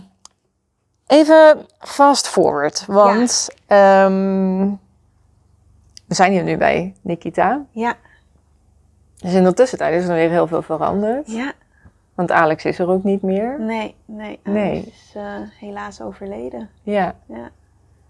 En wil je daar nog iets over vertellen? Of hoe dat gegaan is en hoe het nu is ook? Nou ja, het, het is ehm, toen ik Alex kocht, is hij klinisch gekeurd en hij was jong, 3,5, weinig bespiering. En ehm, eigenlijk vanaf het begin dat ik hem had, had hij eh, niet heel erg de neiging dat hij graag wilde lopen. Mhm. Deels ook vanwege karakter. Ehm, en eigenlijk altijd heb ik met Alex problemen gehad. eh, naast de, de, de, de problemen vanwege mezelf, maar met, met ehm, werkwilligheid. Hij, hij wilde nooit echt. Als, als, je, als je uiteindelijk ging stappen, na één pas stond hij weer stil. Eh, het heeft echt, eh, denk ik, bijna een jaar geduurd voordat ik een uur lang in de bak kon stappen, draven en galopperen. Mhm. En dat hebben we echt op moeten bouwen met zitten, twee passen vragen. En als het dat gedaan had, belonen en afstappen. En ehm, er waren ook vrij vaak periodes dat hij eh, niet, niet rad was. En er zijn heel veel dierenartsen bij geweest. En elke keer zei van, nou, als ik erop zit, dan voel ik gewoon dat hij niet helemaal lekker loopt. Mhm. Eh, en het kwam er eigenlijk altijd op neer, omdat hij zo weinig gedaan had, dat zijn bespiering slap was. Dus hij moest trainen en hij moest sterker worden. Maar zodra hij dan weer een periode rust had gehad en we gingen weer trainen, meestal binnen een paar weken had hij of weer met een ander paard in de wei gevochten, omdat de merries weer hengstig werden. En dan had hij zijn hele achterhand weer kapot getrapt met eh, flinke bloeduitstortingen in zijn billen zitten. En dan was Mhm. hij daar weer twee maanden kreupel van. En hij heeft inmiddels zoveel dingen gehad. Dus ik grapte altijd, we hebben negen maanden per jaar vakantie. Ehm, want we konden eigenlijk bijna nooit wat. En toen ehm, op een gegeven moment, toen eh, ging, eh, ging ik op vakantie. En ik had iemand geregeld voor hem. En ik, eh, de dag van tevoren ging ik hem nog logeren. En hij liep kreupel rechts voor. En toen dacht ik, potverdorie, wat is er nou weer? En hij had daar een schievel zitten. Die schievel zat wel wat verder naar achter. En hij was daar erg gevoelig op. Dus ik dacht, nou, waarschijnlijk heeft hij zichzelf opnieuw een keer aangetikt. Mhm. En dan heeft hij daar nu weer een beetje reactie op. Nou, Ja. toch nog even de dierarts erbij. Want ik denk, ik ga morgen op vakantie. Dan wil ik toch wel even zeker weten hoe of wat. Nou, was inderdaad, eh, kwam door de schievel. Moest hij twee weken rust. Maar eh, als, over twee weken, als ik dan ook terug was, moest ik even, eh, wilden ze toch even scannen om te kijken of het niet richting de tussenpees, want daar zat hij wel dicht in de buurt, dat er niet Mhm. tegenaan drukte. Ja, ja. Dus toen ik terugkwam, afspraak gemaakt, zelf nog even gekeken. Alex liep weer helemaal rad, helemaal prima. En eh, toen kwam de dierenarts en ze vond hem goed lopen, rechtsvoor. Maar ze zegt, ik zie toch linksachter af en toe een hinkeltje. Ik zeg, dat hinkeltje heeft hij zijn hele leven al. En altijd als daar een dierenarts bij is geweest, om te kijken hoe of wat, dan komt dat voort uit te weinig bespiering. Wat hij veel, vaak eh, rustperiodes heeft, omdat hij Mhm. Ja, eh, ja, gewoon, ergens, en toen zei ze, nou, ik wil toch even daarnaar kijken. En toen heeft ze dat ook gescand. En ook foto gemaakt. In ieder geval rechtsvoor bleek dat de schiefel eh, die er zat, bleek gewoon een, een, botbreukje te zijn van het griffelbeen. Oh. Maar goed, dat, dat was in principe, als hij er niet kreupel liep, geen probleem. Mhm. Maar linksachter eh, zat daar op zijn sprong aanhechting van zijn tussenpees zat daar een, eh, een, een- ontsteking. En toen zei zij vrijwel meteen van, als ik jou was, zou ik eh, zeggen einde verhaal. Hm. Want het is een, eh, een ontsteking op een pees die van alle plekken op die pees waar je een ontsteking kan hebben, toch wel eigenlijk de meest moeilijke plek om, om dat Ja. goed te krijgen. Ja. En toen had ik zoiets van, wacht even. Hij was rechtsvoor niet meer kreupel. Dus ik snap even nu de link naar de euthanasie eh, niet helemaal. En toen dacht ik echt van potverdorie. En toen zei ze, en ik zeg dit ook eigenlijk meer voor jou, omdat je al zes jaar met hem aan het eh, ja, klungelen bent. Eh, Mhm. Je bent vooral aan het stappen aan de hand en grondwerk aan het doen, omdat ja, er vaak gewoon niks kan. En, eh, dus ik zeg dit vooral voor jou, omdat je kan, je kan eigenlijk nooit iets met hem. Ja. En toen had ik zoiets van, nou ja, ik wil een second opinion. Dus dat heb ik ook laten doen. En toen had ik wel zoiets van, als inderdaad blijkt dat hij dat heeft, dan sta ik er wel voor open om te zeggen Vooral ook omdat hij er gewoon voor de rest van zijn leven pijn aan heeft als het niet Ja, geneest. ja. En de kans op genezing is klein. Dus Ja, een pijnloos leven is wel een eerste precies. vereiste natuurlijk. Dus toen naar een andere kliniek en daar is hij ook op de foto gegaan en alles. En toen eh, zei hij, ja, ik heb nog wat meer nieuws voor je. Want hij heeft zowel linksachter als rechtsachter op de aanhechting van zijn tussenbees twee chronische blessures. Ja. Twee chronische ontstekingen. En hij zegt, ik kan niet zien hoe oud ze zijn, maar de kans is groot dat ze al ouder zijn dan twee jaar. Dus toen viel er ook wel een kwartje. Al die keren dat hij altijd maar op de rem liep. En dat het soms een periode goed ging. En dat hij in één keer weer heel moeilijk ging doen en alles. Ja, Toch wel pijn. en dat terwijl je in het, ja, hoe het dan ook zo verborgen kan blijven. Ja. Want je had er al zoveel naar laten kijken ook. Ja, ja, ja, ik en bedoel, het was niet de eerste dierenarts die je erbij had. Nee, dat is nee, en zoiets. Een anderhalf jaar daarvoor Ja. was hij al in, lang in een kliniek geweest. Omdat hij... eh, eh, had hij eh, problemen met zijn ziegewricht. Hij had gevochten met een paard en dat was niet helemaal goed gegaan. Toen had hij bij de SI's had hij ontstekingen zitten. En daar is hij door de scintigrafie gegaan. Maar ja, die plekjes, omdat ze waarschijnlijk op dat moment niet actief waren, omdat hij al eh, acht weken rust had gehad, Hebben ze dat gewoon niet gezien? hebben ze niet gezien. En ehm, het, het beeld van wat Alex liet zien, van altijd op de rem lopen, nooit echt graag voorwaarts willen. En de ene keer linksachter een beetje kreupel. En soms ook rechtsachter. En een paar dagen later was het ineens weg. Ik heb ook wel eens de dierenarts erbij gehad. Dat hij echt slecht liep. En dan drie dagen later komt de dierenarts. En dan zegt ze, ik heb hem nog nooit zo goed zien lopen. Mm. En ja, wat moet je dan? En toen zei ze doortrainen, doortrainen. En ehm, ja, vijf weken later. eh, plus er zat op linksachter ook nog een actieve, zes weken oude, nieuwe ontsteking. Net naast de oude. Dus toen dacht ik, twee achterbenen, drie plekken die gewoon heel moeilijk gaan genezen. Ja. Ga ik hem nog door de lasermolen halen en eh, weet ik veel wat. En mezelf dus ook. Wetend dat de kans erg klein is dat dit goed gaat komen. En als hij op boksrust moet.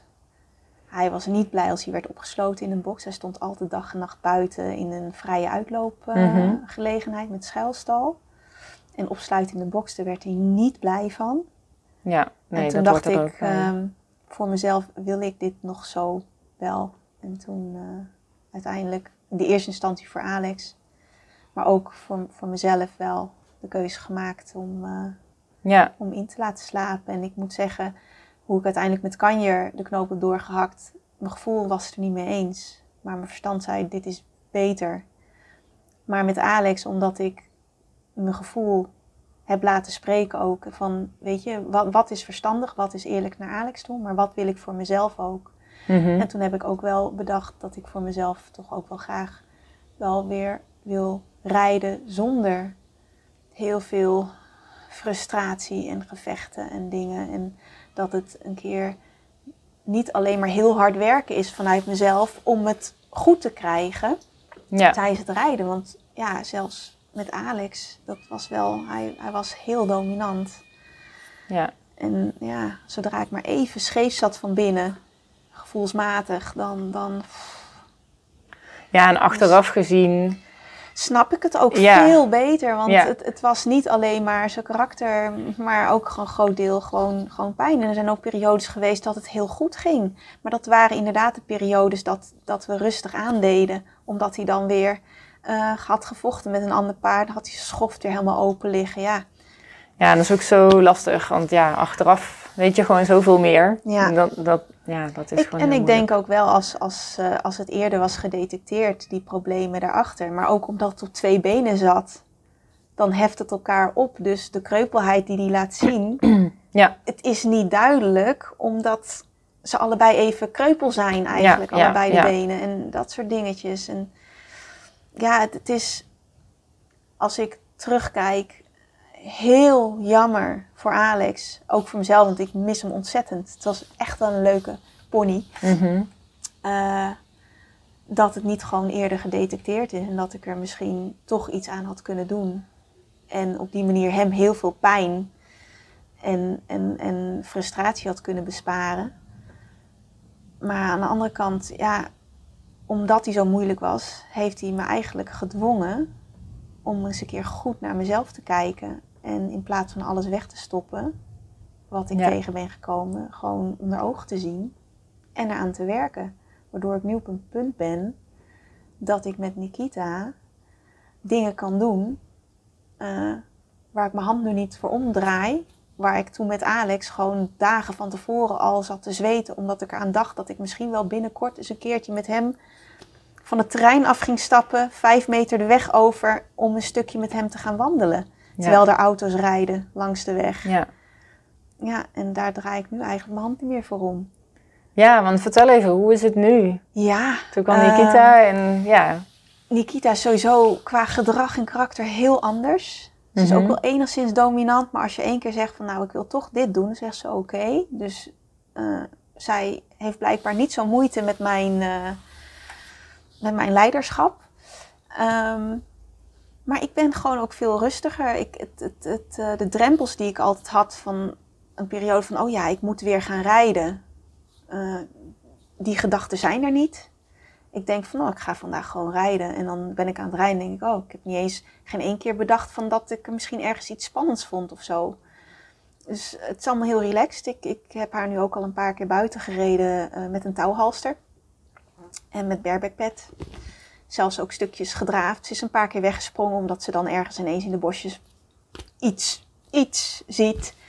En dan gaat mijn hartslag wel even omhoog. Maar vooral omdat ik eh, met een barebackpad niet zo stabiel zit als met een zadel. En ik Ja. ben ook inmiddels een dagje ouder, dus ik ben niet meer, eh, ik zit niet alles vanzelf heel makkelijk uit. Maar dan stap ik verder en dan na vijf minuten denk ik van, huh, ik eh, ben helemaal niet gespannen. Dus ik, ik kan nu heel goed voelen wanneer spanning zich begint op te bouwen. Maar ik kan dus ook door mijn gedachten ja, dat niet weg te drukken en mijn gevoel niet weg te drukken, kan ik ook de spanning weer heel goed laten afvloeien. ja, Waardoor je even een piekmomentje hebt en daarna is het weer weg. En eh, dat gebeurt soms een paar keer tijdens het rijden of helemaal niet. Maar als je dan van je paard afstapt, dan denk je, oh, ik heb eigenlijk wel fijn gereden. Oh ja, was een paar keer geschrokken. Ja, was ik wel even gespannen van. Maar het- je blijft er niet in hangen. nee.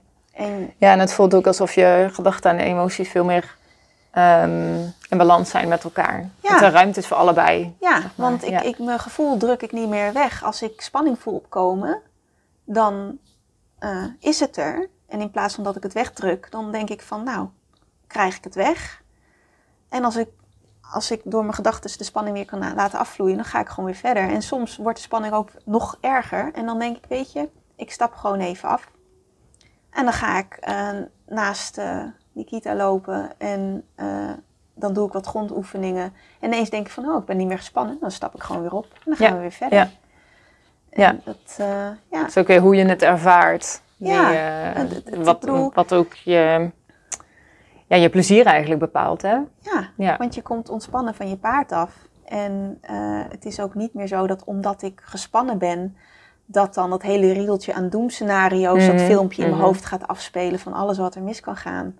Ja, Dat, dat, dat, zover kom ik al niet eens. Dus ik blijf er ook niet in hangen. ja, En dat maakt eh, best wel veel verschil. Maar ook gewoon weten dat als je, als het dan even niet gaat zoals je wilt, eh, dat je toch ook weer kan omkeren. Dat je niet meedobbert op het bootje van spanning. Ja je En- komt niet meer je- in die negatieve spiraal. Je kan het sturen. Ja, Je kan, je kan het. eh, en, en, en soms, ja, soms zijn er ook dagen dat het toch allemaal niet zo lekker loopt. Nou, dan stap je gewoon even af. En Ja. dan denk je, weet je, ik doe gewoon even aan de grond één oefening tot ik zie dat Nikita ook weer ontspant. Want ja, als ik Mhm. gespannen word, wordt zij op een gegeven moment ook gespannen. En dan zie ik dat ze ontspant en dan denk ik, dan is het nu ook gewoon goed. En dan ga ik niet meer omdat ik vond dat we van alles moesten oefenen, alsnog weer opstappen en het weer opzoeken. Want blijkbaar zit er gewoon. ja en je even- maakt de keuzes ook die goed zijn op dat moment. Omdat Ja. je zo in contact bent eigenlijk met je gevoelens en je Ja. gedachten. Kun je gewoon op dat moment bepalen van... Hé, hey, wat is nu goed om voor ons allebei om te doen? Ja, Wat is nu goed om wel, welke keuze is voor ons allebei nu de beste keuze? ja, In plaats van dat je nog bezig bent met die keuze die je eigenlijk misschien thuis al gemaakt had. Van ja, ik ga vandaag dit doen. Of ik Ja. moet vandaag hier aan werken. Of, ja. ja, ja. Ja, want ik ben van mezelf behoorlijk perfectionistisch. Dus op het moment dat ik in mijn hoofd heb bedacht dat ik dit ga doen, dan ga ik dat doen. En dat moet tot in de perfectie, perfectie moet dat geoefend worden. Ja. En dat werkt eigenlijk alleen maar averechts. Want je blijft alleen maar hameren op dingen. Ehm, die, die, het, het werkt niet. Die, die op dat moment niet eens, misschien niet eens relevant zijn. Nee, terwijl als je, als je het loslaat, Ja. dan, ja, op de een of andere manier, dan, omdat je dat ene dingetje loslaat, maak je ruimte voor alle andere dingen die wel goed gaan. Ja. En dan ben je daar al tevreden mee. Ook al heb je misschien van de vijf oefeningen die je bedacht had dat je die wilde oefenen, ehm, maar één netjes uitgevoerd en daar progressie in geboekt. En de andere vier op een gegeven moment gezegd, weet je, dit gaat vandaag niet. Ik wacht tot ik een andere dag heb en dan kijken we dan wel even en misschien lukt het dan wel. Maar Ja. omdat je er niet op hamert en niet gefrustreerd raakt, raakt je paard niet gefrustreerd. En krijg je niet dat je uiteindelijk eh, met dwang een oefening voor elkaar krijgt, terwijl zij lichamelijk niet eens de oefening correct uitvoert. Ja, Want daar gaat het uiteindelijk om. Niet dat je de oefening doet, maar de manier waarop de- ook. Ja. waarop ze het Ja. uitvoert. Dus als ik bijvoorbeeld één achterbeen er beter onder wil en ze doet het netjes, maar het totaalplaatje is niet helemaal perfect, dan ben ik wel blij met die paar passen dat ze wel dat been goed eronder heeft gezet. Ook al heeft dat nog niet in de rest van de lijf Ja. het juiste beeld gegeven.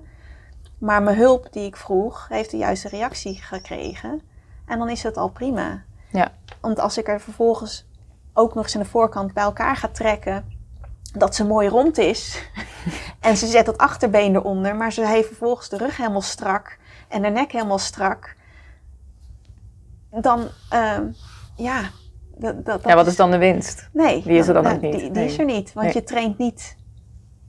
Ja, dan hebben we het alleen nog maar over het lichamelijke aspect. Ja. Want dat, dat is inderdaad de vraag waar ik nu over na zit te denken. Van oké, hoe, hoe denk jij dat Nikita het nu ervaart samen met jou? Ehm, nou, ik denk dat er veel dagen zijn dat ze best heel tevreden is en dat ze me een acht geeft als baasje. en er zijn ook Een dagen. En er zijn ook dagen dat ik naar de kijk en dat ik denk van volgens mij ben ik niet echt jouw meest favoriete persoon op aarde op dit moment. Mhm. Maar dat mag ook. Ik word daar niet meer boos om. Ja, Dat- of zelf ontevreden. Ja, of ja. onzeker van. Nou, onzeker wil, wil nog wel eens gebeuren als ik, als ik iets eh, doe en ze geeft een reactie. Dat ik denk van oeh, wat heb ik verkeerd gedaan? Mhm. Maar dan blijf ik daar soms een beetje in hangen van ook doe ik niet goed. En dan ga ik twijfelen en dan durf ik niet meer eh, adequaat duidelijk te zijn. Ja, dus daar zit Waardoor zij winst eigenlijk. eigenlijk ehm, mij overmeestert als het ware. Omdat Mhm. ik steeds meer timide word en zij steeds duidelijker en ik eh, Ja, meer ja. expressief. En ik daarvan onder de indruk raak. En dan krijg je eigenlijk dat de leiderschap een beetje de balans eh, kwijtraakt. ja. Ja. maar goed, ook zelfs daarin, ehm, ja, die dagen zitten ertussen. Dat is jammer. Maar dan de volgende dag, dan is Weer er een nieuwe dag. kans. Ja. Ja. Ja. Dus ik blijf er niet meer in hangen. Het is niet omdat het gisteren en eergisteren en de week ervoor allemaal verkeerd ging, dat het altijd maar verkeerd gaat en dat ik het altijd maar verkeerd doe. Ja. Want ja, ik doe ook wel eens dingen verkeerd. Of ik, ik, ik doe iets en zij begrijpt het verkeerd en mijn release komt net op het verkeerde moment. En dan heb je er iets aangeleerd omdat zij een link Mhm. legt. En dan denk je, ja, Oeps. ja.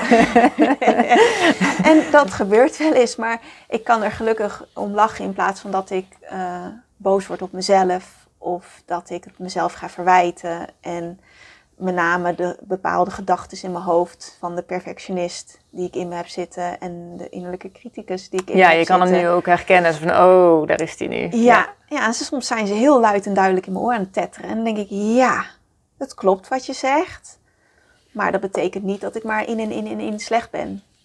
Ja. Dus ik kan het ook wel weer van me afzetten. Ja. En daardoor, ja, eh, doordat je gedachten gewoon eh, niet vastzitten op een frustrerend iets. Of dat het gewoon open is. Er is ruimte voor nieuwe gedachten. En ja, daar reageert je lijf weer op. En uiteindelijk de energie die je dan uitstraalt, daar reageert je paard op. Ja. Dus eh, ja, heel knap. het is heel echt grappig om te zien hoe Nikita heel subtiel dingen laat zien. Terwijl Alex kei, kei, keihard was en super Is duidelijk. iets minder subtiel. Ja. Ja.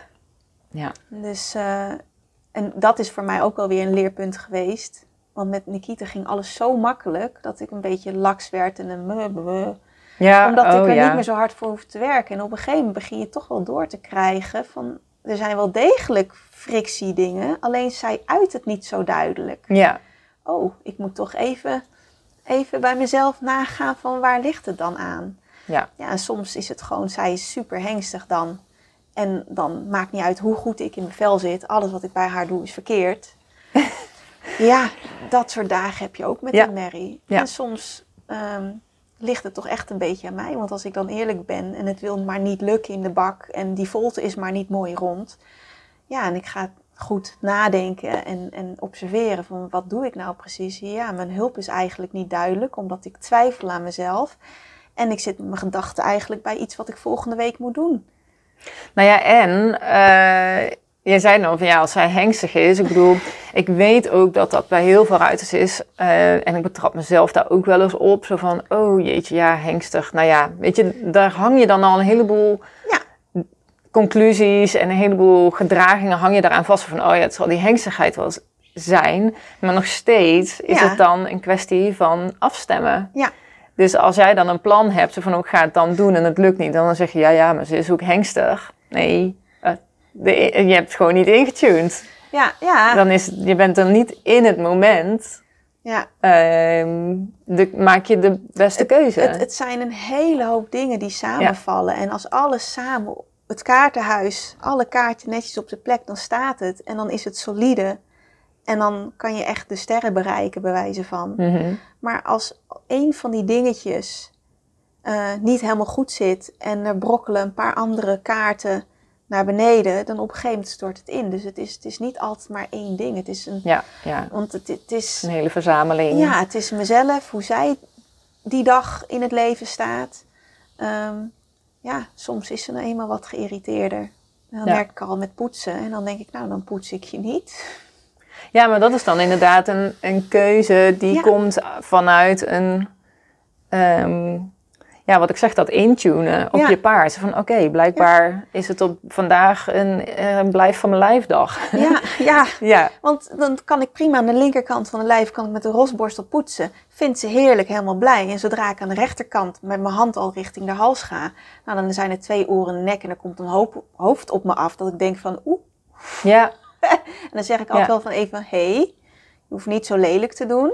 Maar dan denk ik ook van, nou ja, eigenlijk is ze niet eens zo heel vies. Dus is borstel dan echt per se nodig. Dan ga ik weer naar de linkerkant. En dan in één keer bij één plekje wordt ze ook weer heel boos. Nou, dan poets ik dat plekje niet. Dus ze is eh, niet altijd evenredig helemaal schoon. Maar dan heb ik toch het gevoel dat ze toch wel doorheeft dat ze zichzelf mag uiten. Dat ze haar grenzen mag aangeven. ja, en dat ze je inderdaad ook iets kan vertellen en dat je daar Ja. ook naar luistert. Maar dat je er Ja, inderdaad ja. ook naar luistert. Want eh, soms, soms zegt ze ook wel heel duidelijk iets. En dan denk ik, sorry meis, maar dit moet even gebeuren. Ja, Ja. eh, soms moet je gewoon even iets bij je paard doen wat, wat hij niet leuk vindt. Eh, temperaturen bijvoorbeeld of iets. Nou, dan is ze daar gelukkig niet zo heel moeilijk mee. Maar iets of een prikje, inenting of wat dan ook. Ja, dan is het even niet mee eens. Of ze moet even haar hoofd stilhouden en ik moet er even vastpakken. En dan zie, zie je aan haar van, ik vind het niet leuk. Ja, Ja. sorry, het moet heel even. Maar daarna laat ik je ook wel weer gewoon gaan. Ja. En natuurlijk is alles trainbaar. Maar Ja. er zijn gewoon momenten dat je moet zeggen: Oh, oké, ja, dit moet nu op dit moment. We hebben nu Ja. geen tijd om Eerst dit met de te gaan. klikkertraining. Ja, eh, precies. en- helemaal te dingen. gaan trainen. Je hebt gewoon nu op dit moment Even. de inenting nodig, of wat het dan ook is. Ja. Ja, dus dat, dat dat, bestaat, eh, ja. ja, soms. Maar ja, soms eh, is ze ook zo tegen mij. En dan word ik even op het matje geroepen door haar. Hm. Ja, en dan kan ik. Soms moet je. Ja, soms moet het gewoon even. En dan kan ik het nu ook wel loslaten dat ik haar dat heb aangedaan.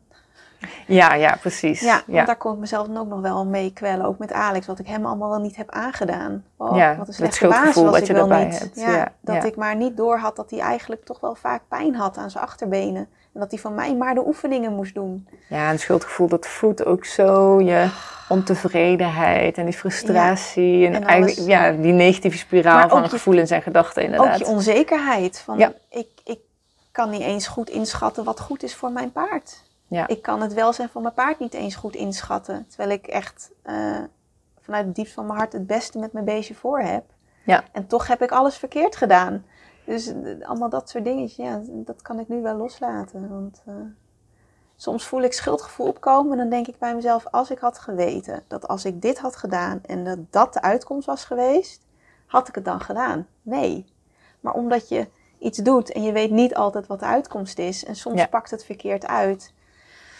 Ja. Ja, Ja, precies. en dat, eh, ik moet zeggen dat dat met Kanje, met de aanrijding, maar ook heel erg... Dat, dat was ineens een aha-moment dat ik dacht van... Hoorde ik iemand zeggen, op Facebook kwam dat langs, ergens een filmpje. You are the only one that can make you feel guilty. Hm. Ja, mooi. ja. En toen dacht Ja. ik, oeh, dat schuldgevoel. Ik ben degene die me schuldig laat voelen. Ja.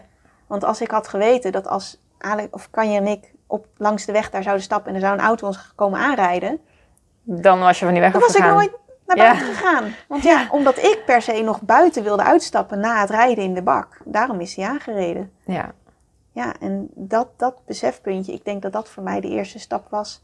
Dat ik kan je in die zin heb kunnen loslaten. Dat ja, het is een ongeluk geweest. Niemand had er schuld aan. ja, En ehm, ja, het is gegaan zoals het is gegaan.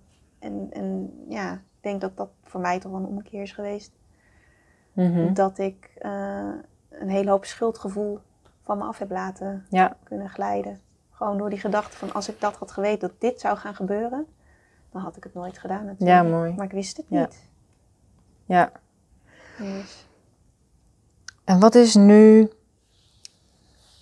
voor jou en voor Nikita jouw grootste droom samen? ehm, ja, onze droom. Nou, ik denk dat, eh, dat we nog best wel verfijnder kunnen zijn samen. Mhm. Want nu moet ik soms nog best terug naar vrij grote hulpen. En nu komt hij toch weer terug, de subtiliteit waar je het helemaal in het begin over had. Ja. Ja, ja, En ik, ik denk dat eh, dat kan nog wel veel subtieler. En dat kan echt nog wel verfijnder. Mhm. En niet alleen in de basis, maar ook naarmate je hoger gaat komt, in, in ja. de dressuur. Dat je die verfijnde hulpen houdt, ook al rij je bitloos. En toch nog dat ze haar lijf op een correcte manier gebruikt. En Ja. dat je correct eh, traint. Mhm. Ehm, dus dat, dat, eh, ja, dat zou ik toch wel heel gaaf vinden. En dat ik op een gegeven moment ook gewoon lekker naar buiten kan. Ik kan nu ook naar buiten en het gaat al heel veel beter dan hoe dat met Kanje is gegaan en hoe het met Alex buiten ging. Mhm. Ehm, maar nog merk ik wel dat, dat er dingen gebeuren waar ik geen controle over heb. Een auto met een karretje aanhanger dat ratelt. Ja, zij vindt dat spannend. Als ze Ja, jullie dat zijn hoort. natuurlijk ook nog niet heel lang een combinatie. Nee, qua, Nee. qua rijden zeker niet. Het eerste jaar dat ik er had, eh, had ze achter elkaar de ene blessure na de andere opgelopen in de wei. Dus we hebben vooral veel gewandeld en grondwerk gedaan, eh, waar het kon. Ehm, dus we zijn nu echt pas sinds eh, twee, drie maanden onder het zadel dingen aan het oppakken. Ja. En nu ben ik ook van, sinds die tijd van, bitlo- van, van rijden met bit overgestapt naar bitloos. Dus daar zijn we nog heel erg aan het zoeken. Ja. Dus, ehm, maar ja, zeker toch ook eh, buiten de, de, de, de spanning die ik dan voel opkomen, dat ik dat sneller kan loslaten. En ehm, haar ook meer kan ondersteunen. Want ik merk dat ik zelf pas gespannen word op het moment dat zij spanning vertoont. Mhm. En dan word ik zelf wel weer ontspannen, maar ik vind het dan lastig om haar in mijn ontspanning weer mee te nemen. Dus zij blijft langer gespannen. Ja, ja. En, eh, Als zij dus- eerder zou kunnen ontspannen, Anne? dan zou je haar beter kunnen begeleiden op dat moment. Ja, Ja. Dat, dat is, ik, ik merk toch wel met sommige dingen, eh, als de connectie weg is, eh, of als mijn focus er niet helemaal is, dat, dat ik dan eigenlijk niet de leider kan zijn die zij op dat moment nodig heeft. Ja, Dus ik kan het voor haar de spanning sneller wegnemen. eh, als, ik, als ik zelf ook eh, weer daar adequater Ja, in ben. ja. Dat ik kan zeggen, weet je, ik snap dat je je druk maakt, maar dat hoeft niet. Ik ben er. En dat zij eigenlijk meer vertrouwen krijgt in mij. Dat als ik oké ben, dat zij zich nou eigenlijk nergens zo druk om Ja. hoeft te maken. mooie doelen. Dus eh, Ja. dat, dat soort dingetjes. Ja, Ik heb nog een laatste vraag voor je, denk Ja. ik. Dat dit ongeveer de laatste vraag is. Stel je voor dat er nu ruiters luisteren die ja, stonden waar jij stond. ja. Wat zou je hen mee willen geven? Heb je misschien tips of advies? goede adviezen? Ehm, ik denk dat als je eh, tegen één of meerdere dingen aanloopt en je wil samen met dat paard of paarden er samen mee uitkomen en je durft eerlijk te zijn naar jezelf en je durft open te staan voor wat het paard je vertelt, Mhm. dan denk ik eh, dat als je die eh Too Happy Athletes Academy gaat volgen en je de opdrachten doet, ik denk dat je dan jezelf echt versteld doet staan hoeveel effect dat heeft. Gewoon doordat je bewust wordt van je eigen gedrag en je eigen gevoelens. Mhm. En eh, doordat je eh, durft te zeggen wat je nou eigenlijk echt precies wilt met je paard. Ja. En daar eerlijk in durft te zijn. En dus eigenlijk gewoon eerlijk durft te zijn naar jezelf. Ja. En ja, je moet er echt voor openstaan, want het, het, is niet altijd makkelijk. Het is soms heel confronterend wat je tegenkomt, diep van binnen. Maar als je, als je bereid bent om dat te doen en ehm, je wil echt met dat paard samen eh, verder en je bent op zoek naar eh, een beter begrip tussen elkaar, betere connectie, dat je elkaar beter aanvoelt en dat het rijden fijn is en voelt als een, ja, eh, niet als een gevecht, maar als dat je ontspanning, eh, dus dat je niet rijdt om het rijden zelf, maar dat je meer met je paard samen een, een, ja, een diepere connectie wilt, Ja. dan, ja, dan zou ik zeggen, geef je op, want Hm? het, eh, ja, het heeft niet alleen voor, voor het met je paard samen zijn effect, maar het heeft Mhm. ook heel erg invloed op hoe je gewoon zelf in je eigen leven staat. Ja. Ook tussen de, de mensen. Je leert jezelf kennen. Ja. En dat is natuurlijk, denk ik, eh, voor de meeste mensen best een grote stap om te nemen. Ja. Wat zou de, zeg maar, de allereerste, meest concrete stap kunnen zijn om bijvoorbeeld eerlijker naar jezelf te zijn? Heb je daar een Ehm. tip voor? Zo. eh, ja. Ik, ik kan natuurlijk alleen maar spreken vanuit mijn eigen ervaring. Ehm, ik denk, observeer je paard eens en jezelf. Dus ga eens na, wat doe je zelf en hoe reageert mijn paard op mij? Ja. En durf dan ook open te staan voor wat het paard jou vertelt. Dus veel dingen die een paard doet, wordt vaak afgeschreven als vervelend gedrag. Eh, maar ik heb met Alex geleerd dat heel vaak dat gedrag eigenlijk is omdat je paard je iets probeert te vertellen. Dus ik, ik denk ehm, eerlijk zijn naar jezelf. Kan, kan je eigenlijk heel goed eh, zi- zien of dat wordt gespiegeld door je paard. Dus als je paard ja. jou, als je daarvoor open staat en je, je observeert je paard, dan kun je eigenlijk toch wel wat dingen, dingen wat puzzelstukjes op zijn plek laten vallen. Ja, dankjewel. Heel Ja. mooi advies. Gaaf. Ehm, ja, is er nog iets niet gezegd wat je misschien nog kwijt wil? Ehm, nee, ik, ik denk dat ik alles eh, wel heb gemeld. Behalve dan dat ik moet zeggen, als ik nu terugkijk op het begin, toen ik begon met de Academy, dat is inmiddels alweer ruim vier jaar geleden. Zo lang al. Ja, 2015. 2015. Bijna tijd voor een jubileum. Ja. dus het, eh, al- als ik kijk hoe het in het begin echt, dat je overal heel erg bij moet nadenken. Maar op een gegeven moment worden dingen heel erg vanzelf. En ik merk soms dat ik ineens iets doe dat ik denk van, hé, hey, dat ging zo onbewust. Dat ik niet eens door had dat ik spanning voelde, maar er al mezelf eruit haalde. Dat je het eigenlijk al onbewust aan het oplossen was. Ja, Ja. dat je daar niet eens meer over hoeft na te denken. Dat dingetje is echt eh, eigenlijk alsof het Oh, vanzelf gaat. Ja, En als je dat ook nog eens hebt als je op je paard zit onder het zadel, dat is echt tof. ja. Ja. Gaaf. Dus, eh, Onwijs bedankt. ja. Nou, jij ook, want dan, zonder jou had ik hier nu niet gezeten. Dan had ik nu nog steeds met... eh, Stroom uit je oren. oh, Ja. Want die frustratie en, en vooral het verdriet ervan. En, oh. Nou ja, ehm, dat wilde ik jou nog zeggen. Want uh, ik denk ook wel dat iedereen die dit luistert echt wel.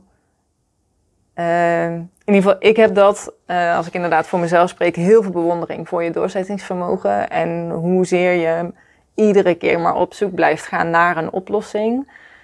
Uh, ja, dat vind ik echt bewonderingswaardig. Dus um, onwijs bedankt dat je, die, dat je dat gedaan hebt, überhaupt. Ik bedoel, ik denk dat uh, alle paarden die je gehad hebt, of ponies, dat die de, je daar heel dankbaar voor, voor uh, ja. zijn geweest. Dus um, ja. ja. Dankjewel. Nou, ik moet ook wel zeggen, omdat ik met Alex zoveel heb meegemaakt en door de Academy ook mijn gevoel liet spreken, heb, heb ik er rust mee en vrede mee dat ik hem heb laten inslapen. Mm -hmm. En dat ik heb gezegd, dan stopt het voor ons hier. En dan kan ik met een andere pony verder en kijken of ik daar wat meer mijn dromen nog kan, kan, uh, ja. mee kan vinden. Ja. Met, meer met betrekking tot rijden en echt actiever zijn samen dan alleen maar wandelen. Al vind ik wandelen nog steeds heerlijk hoor, dat doe ik ook nog steeds regelmatig. Ja, ja. Maar ja, het feit dat ik me daar niet schuldig over voel, over dat ik die keuze heb uh, gemaakt, dat, dat is toch wel heel prettig. Nou ja, en het was ook het ook al, weet je, je weet ook wel, als je het rationeel bedenkt, weet je, het is een onvermijdbare keuze. Ja. Want je wist, oké, okay, hij heeft pijn en hij, die pijn die gaat waarschijnlijk nooit meer weg. Ja. Uh, of in ieder geval nog veel te lang blijven. Ja. Maar inderdaad, je gevoel zegt niet per se hetzelfde. En dat is wel Ja. heel fijn dat je Ja. dat gevoel wel gevonden hebt. Dat, Ja. je, dat dat met elkaar in overeenstemming is. Ja, want met, met Kanjer was het echt gewoon, nou ja, weet je, hij heeft gewoon een gebroken voet. Ja, Het houdt gewoon op en alles in mijn lijf zei, ik wil hem niet kwijt. Ik wil hem niet, hij, was, hij was mijn eerste eigen pony. En na drie maanden is dit wat ik ervan gebakken heb. ja dat grote Ik hem- cadeau. Ik wil ja. hem niet kwijt. En, en het was niet alleen Kanje die ik verloor, maar ook gewoon al mijn dromen en Mhm. hoop die ik had met een eigen pony. Dat was in één keer weggevaagd. Ja, Dus ik heb hem ingesla- laten inslapen, maar mijn gevoel stond er niet achter. En dat Ja. heeft me heel veel, eh, heel veel gekost uiteindelijk. En Ja. de rust die ik nu heb, omdat ik heel bewust die keuze heb gemaakt om Alex te laten inslapen. Maar ook mijn gevoel erbij heb laten spreken. En dat ik voor mijn gevoel ook zoiets had van, ja weet je, het is goed zo. ja. Maar wat een reis ook inderdaad. Van Dat, eh, dromen die compleet uit elkaar spatten naar eigenlijk ja, dromen die al waar zijn geworden. Maar ook dat je, ik ben gewoon heel blij voor je dat je ook nu weer nieuwe dromen hebt. En ook Ja. weer nieuwe ehm, ja, uitdagingen aangaat. Maar dan anders. hele positieve, blije, ja, Ja. echt de happy athletes dromen die we hebben samen natuurlijk. Ja, en wat dus ik dat zeg, er zijn tof. dagen die zitten ertussen dat ik denk van, nou, deze hadden we beter even kunnen overslaan deze dag. Ja, Maar ik, ehm, ik blijf er niet in hangen. Dus de dag daarna is alles gewoon weer op nul. En eh, het verleden is het verleden. Daar kan je niks Ja. meer aan veranderen. Je kan alleen nog maar in het nu zijn en, en vandaag eh, je dromen najagen. en Ja. het beste ervan maken. En soms eh, gaat het heel goed en soms wat minder. Maar ja, het, Ja. eh, Nou, we gaan zo zien ook hoe goed het gaat. Dus ehm, super, super bedankt. ja. En dan eh, gaan we zo in de slag. oké. nou, jij ook bedankt. En daarmee eindigt dit eerste interview met Happy Athletes Zora en haar pony Nikita. En natuurlijk Kanjer en Alex in memoriam, die ja, ook hun eigen plek en rol hadden in dit gesprek. Als je nu vragen hebt over dit interview of je herkent jezelf hierin en je wilt daar graag iets over kwijt, laat dan een reactie achter. Als je deze podcast op de website van Horsepower Lifepower hebt gevonden, kan dat onderaan deze pagina. Als je via een ander podcastkanaal luistert, kun je me ook een berichtje sturen. Hoe je dat doet, hoor je helemaal aan het einde van deze aflevering. Ben je nou benieuwd naar de Too Happy Athletes Academy? Ga dan naar www.toohappyathletes.nl. Daar vind je alles over dit intensieve jaartraject. Op dit moment zijn de deuren van de Academy gesloten, maar het duurt niet lang meer voordat ze weer open gaan. En op die pagina kun je je ook aanmelden voor de Early Bird wachtlijst. En dan ontvang jij als eerste de uitnodiging om mee te doen zodra de deuren van de Too Happy Athletes Academy weer open gaan. En natuurlijk krijg je dan als early bird ook een hele speciale aanbieding daarvoor.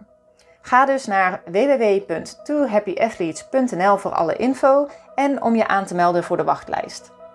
Super leuk dat je luisterde naar dit Happy Athletes interview en heel graag tot de volgende aflevering.